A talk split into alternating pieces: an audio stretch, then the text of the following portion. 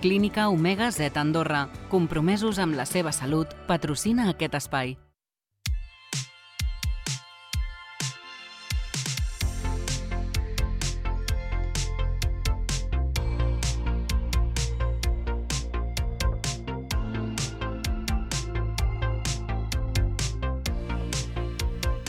M'acompanya una bona amiga del programa, la doctora Alice Denoyer. Alice, bon dia.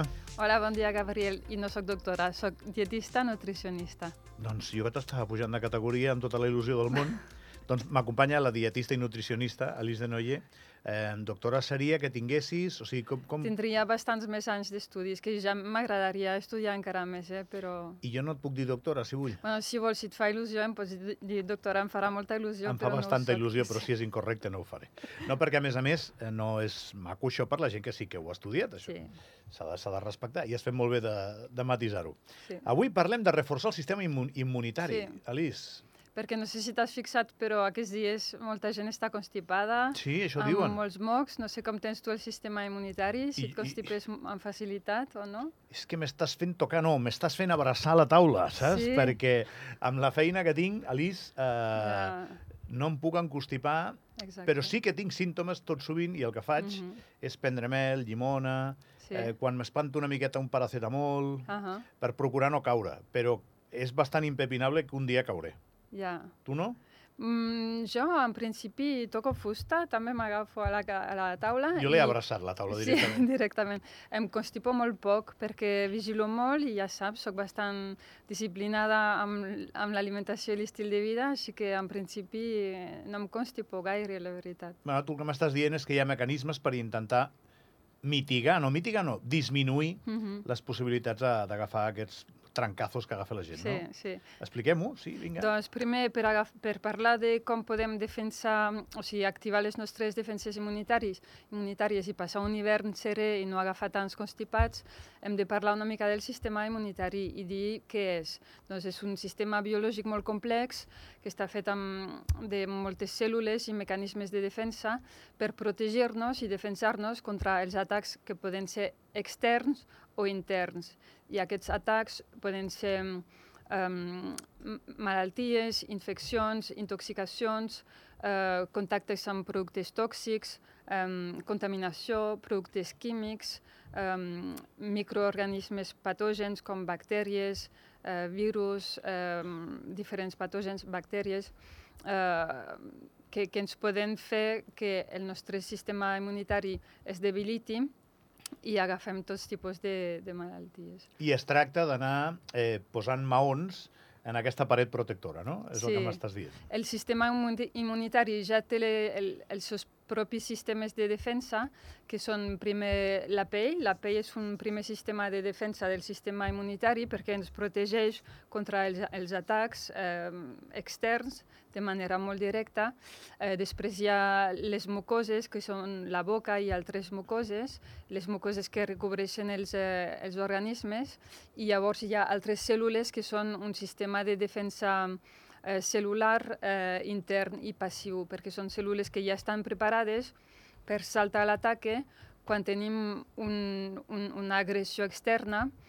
Llavors són dos tipus de mecanismes de defensa que tenim. Tenim el sistema immunitari innat, que és molt ràpid, i per exemple quan et cremes o et fas un tall, com jo em vaig fer un tall obrint una llauna de tonina l'altre dia, eh, de seguida arriben una sèrie de cèl·lules al lloc de la ferida o de l'agressió, diguéssim, i són unes cèl·lules eh, que actuen de manera molt ràpida i no són especialitzades. Arriben on hi hagi la ferida i van a, a, com, com uns bombers a apagar el foc, no? Mm -hmm. I això és una resposta molt immediata. I després eh, eh, es posen en marxa una altra sèrie de cèl·lules, que és el sistema immunitari adaptatiu, que és una resposta immunitària més lenta i més especialitzada, on arriben cèl·lules més especialitzades que eh, participaran a la, la curació de la ferida i la reducció de la inflamació. Molt bé. No, no, es- estava esperant a veure si havies acabat perquè és, és molt densa la- l'explicació, no? Sí, i encara no t'he dit res perquè el sistema immunitari és tot un món, hi ha moltes cèl·lules, hi ha molts mecanismes que entren en joc i no, no vull i tampoc puc entrar en molts detalls, però que sapiguem que el sistema immunitari serveix per defensar-nos contra els atacs, eh, està molt especialitzat i, i, i existeixen moltes cèl·lules que ens ajuden en aquest sentit, eh, molts mecanismes de defensa i també nosaltres, per la nostra alimentació, podem ajudar a reforçar aquest sistema immunitari. Aquí el que hem de dir, i és important, és que aquest que estàs escoltant, de qui parla l'Elisa no hi ets tu. Sí, sí. Sí, tots som aquesta persona, eh? És a dir, Totalment. no hi ha Mhm. cap ésser humà que no, que no estigui representat en aquesta descripció. Per tant, t'interessa el, que, el que estem dient. T'interessa Sí, perquè sí. ara anem, a, anem al tema, Mhm. anem al tall, Sí, sí. al primer plat. Eh? Hi ha una manera d'alimentar-se que et pot ajudar a reforçar el teu sistema immunitari. En això l'Elisa és una experta. Sí, doncs primer dir que el sistema immunitari, que és, com hem dit, una sèrie de cèl·lules i mecanismes que ens protegen de, dels atacs externs, eh, està molt en contacte, molt relacionat amb el sistema digestiu i hem de saber que el sistema immunitari està constituït al 80% a la nostra microbiota, a la nostra pansa, als nostres intestins i d'aquí la importància de vigilar el que fiquem al nostre estómac i com digerim els aliments eh, per reforçar el nostre sistema immunitari. I què fem?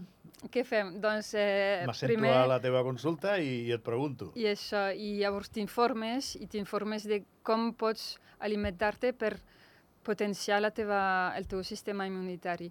Llavors hem de saber que hi ha aliments que ens poden ajudar eh, a, a enfortir el nostre sistema immunitari i altres que, que el debiliten. Qu- Quins aliments reforcen el nostre sistema immunitari? Bàsicament una alimentació saludable, sobretot amb verdura. La verdura conté substàncies prebiòtiques, que són fibres que alimenten, serveixen d'aliment a la nostra flora bacteriana, de, de, o sigui, a la nostra microbiota intestinal, i són tot, tota la família de les verdures i la fruita.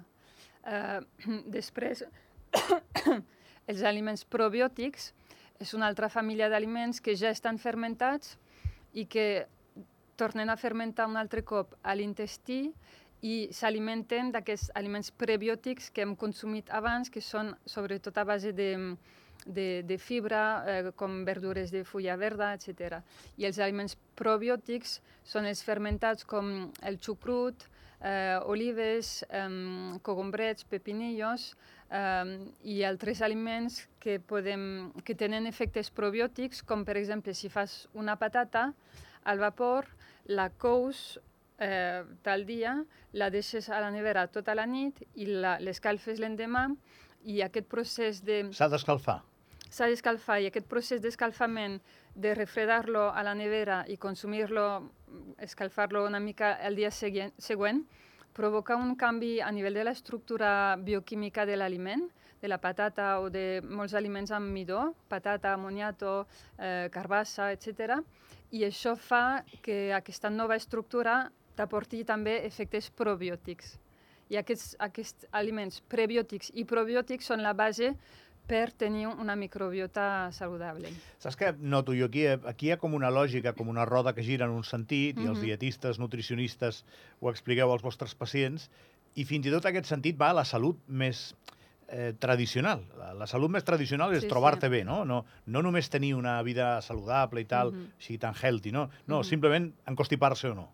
Sí, sí. Que també va per aquí, el canal vostre arriba fins i tot aquí, no? Totalment. Treballem sobretot eh, amb la prevenció, prevenció de malalties que siguin agudes o cròniques, autoimmunes, per exemple, o inflamatòries, i recomanem un estil de vida saludable en general, amb una alimentació de proximitat, de qualitat, eh, molt senzilla, i descartem aliments processats, descartem excés de sucre, excés de productes amb gluten, amb làctics, sobretot això, aliments naturals a base de verdura fresca, fruita, um, proteïna de qualitat, que són tots tipus de carns, eh, peixos, ous, per exemple, i marisc, um, i després greixos saludables, oli d'oliva, oli de coco, albocat, fruits secs...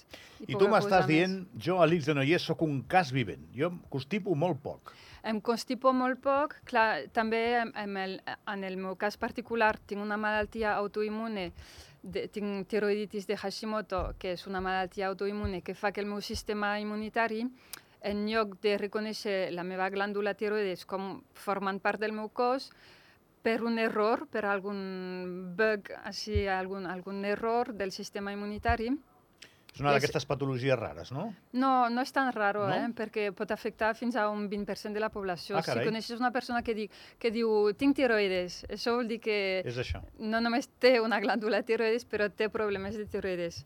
Eh, tiroiditis de Hashimoto o hipotiroidisme. Llavors, el meu sistema immunitari, per error, detecta que la glàndula tiroides és un enemic i llavors està programat per destruir-lo. Així que, a poc a poc, eh, aquestes cèl·lules autoimmunitàries destro destruyen la, la, la glàndula, diguéssim. I en el meu cas, potser la meva activitat immunitària està dedicada a destruir la tiroides i per això mm, no, no, no em constipo tant perquè el sistema immunitari meu està concentrat en això. I és curiós, Però- això, allò que podria ser un problema per tu acaba ajudant en un altre tema. Sí, per aquesta banda, sí. sí. És curiós. Oh, sí, sí, ho vaig sentir, ho vaig estudiar i bueno, té, té, un, té un motiu, té un motiu perquè el cos té les seves prioritats i en el meu cas també diria que segurament no em constipo tant perquè vigilo molt la meva alimentació, el meu estil de vida, practico activitat física. Aquest cap de setmana he anat a esquiar els dos dies, dissabte i diumenge, que la neu no està tan bona, però per passar el dia fora amb amics Passar temps a l'aire lliure Sí. ajuda a no constipar-se, eh? és, és bàsic, perquè t'anava a dir que no només és qüestió d'alimentar-se amb aliments saludables, sinó portar una vida, un, un estil de vida saludable, també gestionar l'estrès, que aquest és el punt número 1, que sempre el menciono en primera posició. I que difícil és. És molt difícil, clar, i no tinc cap secret, ningú té cap secret per gestionar l'estrès, però fem el que puguem. Hi havia, hi havia aquell programa, perdona que t'interrompi, eh? hi havia aquell programa del... aquell que ensinistrava els gossos. Eh, Sí, sí, el- el- eh, César el- aquell. César Millán, sí. Sí, sí. I aquest et feia pensar molt que el, els gossos tenien el seu caràcter, però que cansats tenien un altre caràcter, no? Ja. Estic pensant en el que acabes Exacte. de dir. Tu pots tenir un nivell d'estrès, però si te'n vas a caminar tres quarts d'hora, o te'n vas a esquiar, o te'n vas una mica al gimnàs, Ah, ah. quan acabes tens el mateix caràcter perquè no Ja. no t'ha desaparegut, però estàs una mica més tranquil. Sí, per, això ens per, ajuda. per tant, tens molta raó, això s'ha de fer segur. perquè l'exercici físic és com la, la píldora màgica, no? Ens, dona, ens activa una sèrie d'hormones, eh, hormones del plaer, hormones de la felicitat, i ens regula a nivell metabòlic una barbaritat. O sigui, t'he interromput, m'anaves a dir alguna cosa més, disculpa. això, gestió de l'estrès, activitat física, que era la, la segona que t'anava a dir, contacte amb la natura, eh, contactes socials també satisfactoris, una bona hidratació també és important, que moltes persones no se n'adonen, que al final no beuen tant com haurien de beure i, i acaben deshidratats. O sigui, és un I- i- conjunt, alimentació i estil de vida, no hi ha gaires secrets. Clar, això és una recepta molt global, molt Mhm. completa, però molt global. Mhm. Uh, aquestes, aquests atacs que faig jo més concentrats de prendre mel i llimona, això és bo o no és bo? Bueno, eh, diria que la mel Per la veu, per exemple, a mi em va bé, eh? sí... Jo, ho, no, jo ho noto, eh? Sí, però la mel, vulguis que no, està molt carregada amb fructo fructosa, que, que és sucre, llavors si et prens quatre infusions al dia amb No. quatre cullerades Una, de mel, una cada nit. una cada nit està bé encara. Sí, Una però vigilar amb els pics de glu glucèmia que et vaig explicar, Sí. perquè, clar, la mel és sucre i cada cop que prenguis sucre, eh, amb qualsevol de les seves formes, et provoca un pic de glucèmia, hiperglucèmia, després el baixó de hipoglucèmia i això et dona més ganes de prendre més sucre. Així que vigila amb el, a, la, a la mel, però si és una cullerada així al vespre no passa res. I llimona està bé, aigua amb llimona està bé. Però més que res has d'aplicar aquest conjunt d'accions, diguéssim, per enfortir el sistema immunitari i evitar constipar-se. No és mm, faig el que em dongui la gana i a la nit em prenc una infusió amb una cullerada de mel i una mica de, de No, llimona. hi ha receptes globals. Sí, totalment. No, està bé. I, i després, és que ens en constipem molt, eh? Vosaltres sí, potser. Tu igual no. Uh, és veritat, però, però ho has d'admetre, al teu entorn la gent es constipa Sí, molt. No, però- sé quan, però- no sé quants en passem l'any, alguns són bastant insignificants, la majoria, la immensa majoria, no ens, no ens tallen el ritme. Ja, seguim treballant, ja, seguim sí. fent... Però és allò que una, una mica de mal de coll, una Ja, mica de... Però també veig com veig que la gent es constipa molt, però veig com menja la gent i com viu la gent al meu voltant. I ho entenc. I per tu és una conseqüència. Claro, és, és una conseqüència molt clara. Clar, és que tu ens veus, ens veus diferent. Sí, us Dius- observo. Dius, mira aquest, s'està fotent un dònut, es constipa avui. Sí. Bueno, jo no jutjo les persones, però observo, No, soc però molt les- observadora i observo, Les analitzes. sí, observo com viu la gent, observo el color de la cara que, te, que tenen, la forma del cos, els seus hàbits i, i veig, veig coses. Molt bé. És la teva feina, es diu de Sí, formació clar. professional, no? Sí, sí, totalment. Doncs me n'alegro molt que no t'encostipis, perquè és un problema bastant gran, eh? Ja, ja. Hi ha gent que té aquesta propensió i probablement el que no saben, els que diuen és que m'encostipo molt, és que igual hi ha unes causes i, un, Sí. i un origen de tot això que podria ser millorat canviant els teus hàbits. Sí. És, és molt interessant sempre que vens, Alice, eh? O, o podem treballar i no és fàcil, però existeixen maneres per millorar sempre. No et molesto més, ja et deixo que vagis a la teva feina i atendre els teus pacients. Gràcies per venir, eh? Gràcies, Gabriel. Sempre ens ajuden els amics de la clínica Omega Z, nosaltres que pararem un momentet i de seguida parlem, i molt, i molt, perquè hi ha molta cosa, d'esports, a la nostra tertúlia esportiva dels dilluns. Clínica Omega Z Andorra, compromesos amb la seva salut, patrocina aquest espai.